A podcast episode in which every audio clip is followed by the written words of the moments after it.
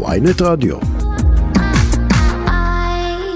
אה, דוח אה, מבקר המדינה שהתפרסם אתמול אה, מצביע על כך שהעסקתו של מתאם השבויים והנעדרים עד לאחרונה ירון בלום, בכיר בשב"כ לשעבר, בהעסקה שלו נפלו אי סדרים.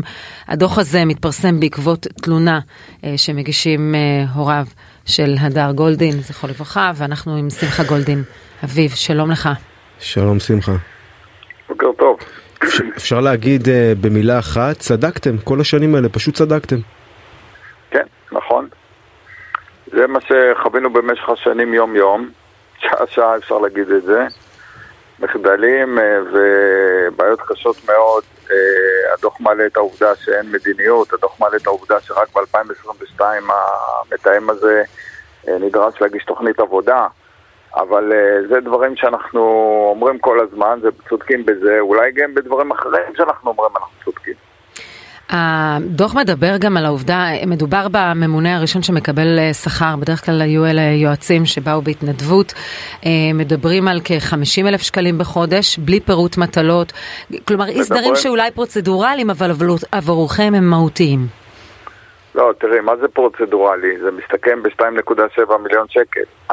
העניין שלנו זה לא אם הוא מקבל או לא מקבל שכר.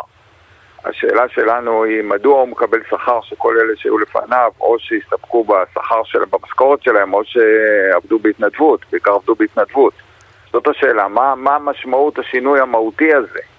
השינוי המהותי הזה, כפי שהסבירו לנו מטעמים קודמים, זה שכשהם באים מתוך התנדבות ולא מקבלים שכר, הם שונים במהותם מכל יתר הפקידים שמקבלים שכר, והם יכולים לצעוק עליהם, יכולים לדרוש מהם, הם יכולים להגיד להם דברים מהותיים ולפעול בדרכים מהותיות. ברגע שהפכו אותו לעוד פקיד שמקבל שכר, אז uh, רוקנו את התפקיד הזה מתוכן. כלומר, אתה אומר מכונת ג'ובים פשוט על הגב שלכם, זה מה שיצרו כאן.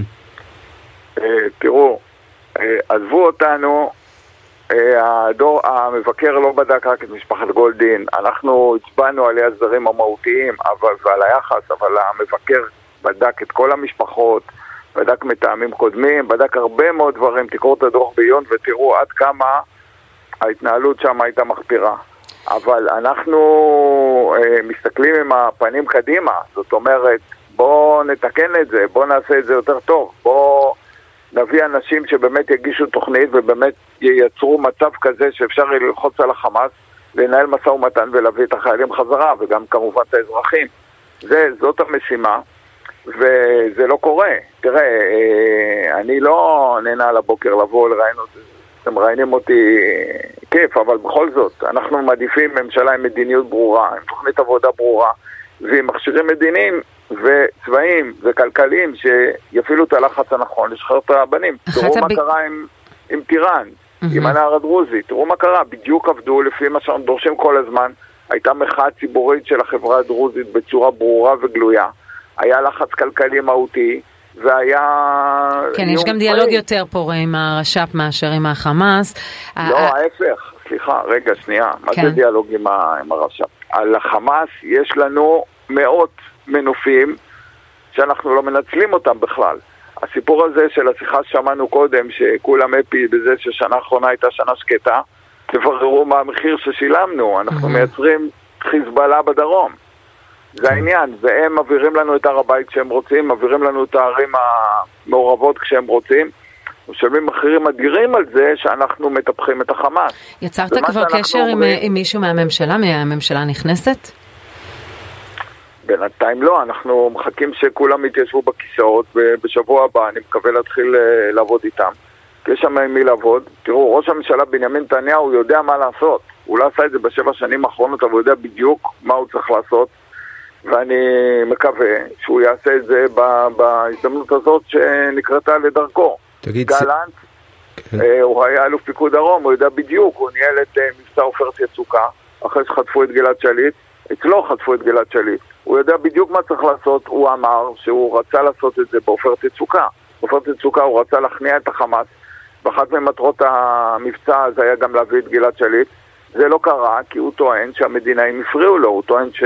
או לפחות זה מה שקראתי על זה, שאולמרט וברק עצרו אותו באמצע המבצע והוא לא השלים את המשימה, אז עכשיו יש לו הזדמנות להשלים את המשימה להביא את החיילים חזרה, ואם צריך גם אה, לטפל בחמאס. אני חושב ששני הדברים האלה נדרשים באופן מהותי. שמחה, תגיד, במשך כל השנים האלה שהוא היה בתפקיד, ירון בלום, אה, זאת אומרת, כמה פעמים הוא פנה אליכם, והאם בכלל אחרי הדוח הזה, המאוד מאוד חמור הזה, אתם דיברתם איתו, שוחחתם איתו?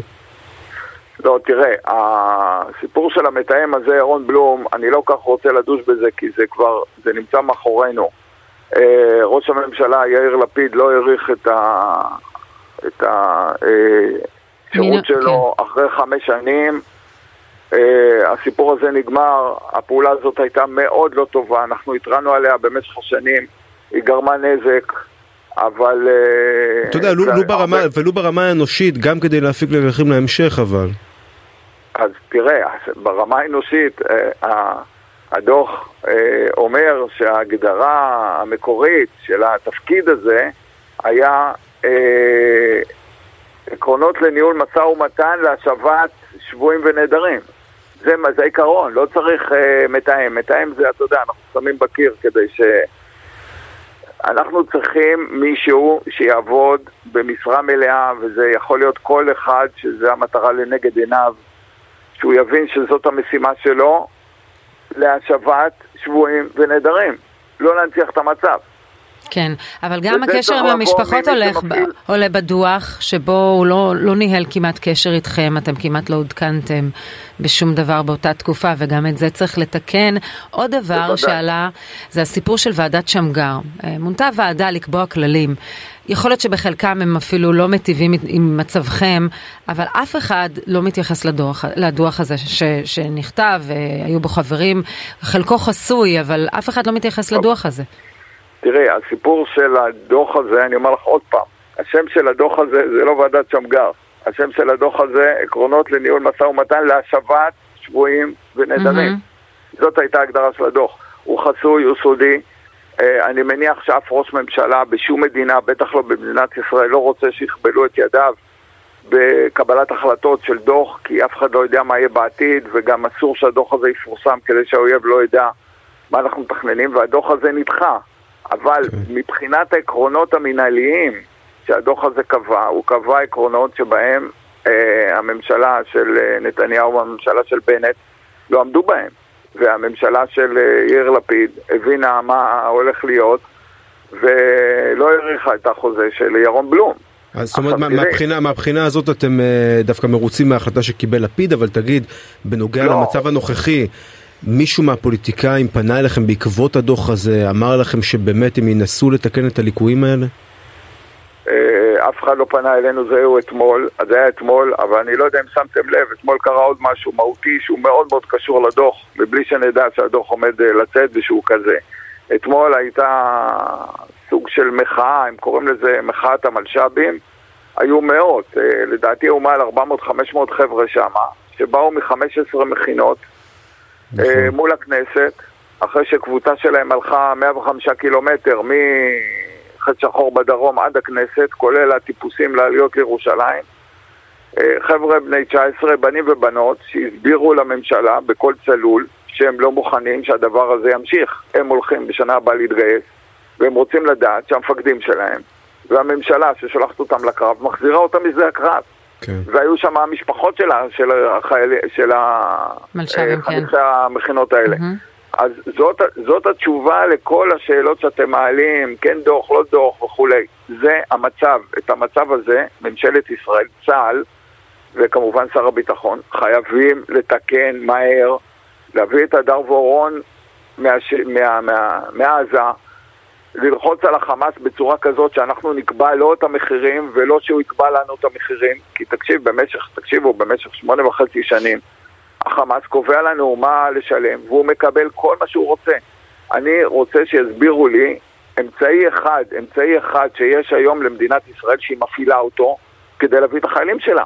כן, נזכיר, נזכיר, לא... גם, נזכיר גם שאברה מנגיסטו והישאם אסד נמצאים שם גם. בוודאי. אה, שמחה גולדין. אה, אה, אולי תסיים בקריאה לשר הביטחון החדש שנכנס לתפקיד, יואב גלנט, מה אתה מצפה שיקרה? אני בדיוק, זה בדיוק מה שאמרתי. הוא היה אלוף פיקוד דרום, הוא יודע בדיוק מה צריך לעשות. ראש הממשלה אה, בנימין נתניהו יודע בדיוק מה צריך לעשות. הם שניהם צריכים לבוא לרמטכ"ל החדש, אה, שהיה גם הוא אלוף פיקוד דרום, ולהפעיל את כל הכלים שיש לנו, ויש לנו מאות מנופים על עזה, בשביל לסיים את העניין הזה, ולא לפחוד מהחמאס, כי החמאס ממילא ימשיך להתנהג כחמאס, ולא להירתע.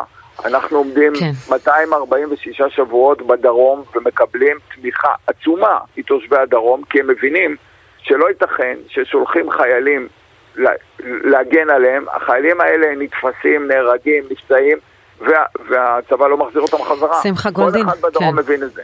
תודה רבה לך על השיחה. תודה, תודה בוקר טוב.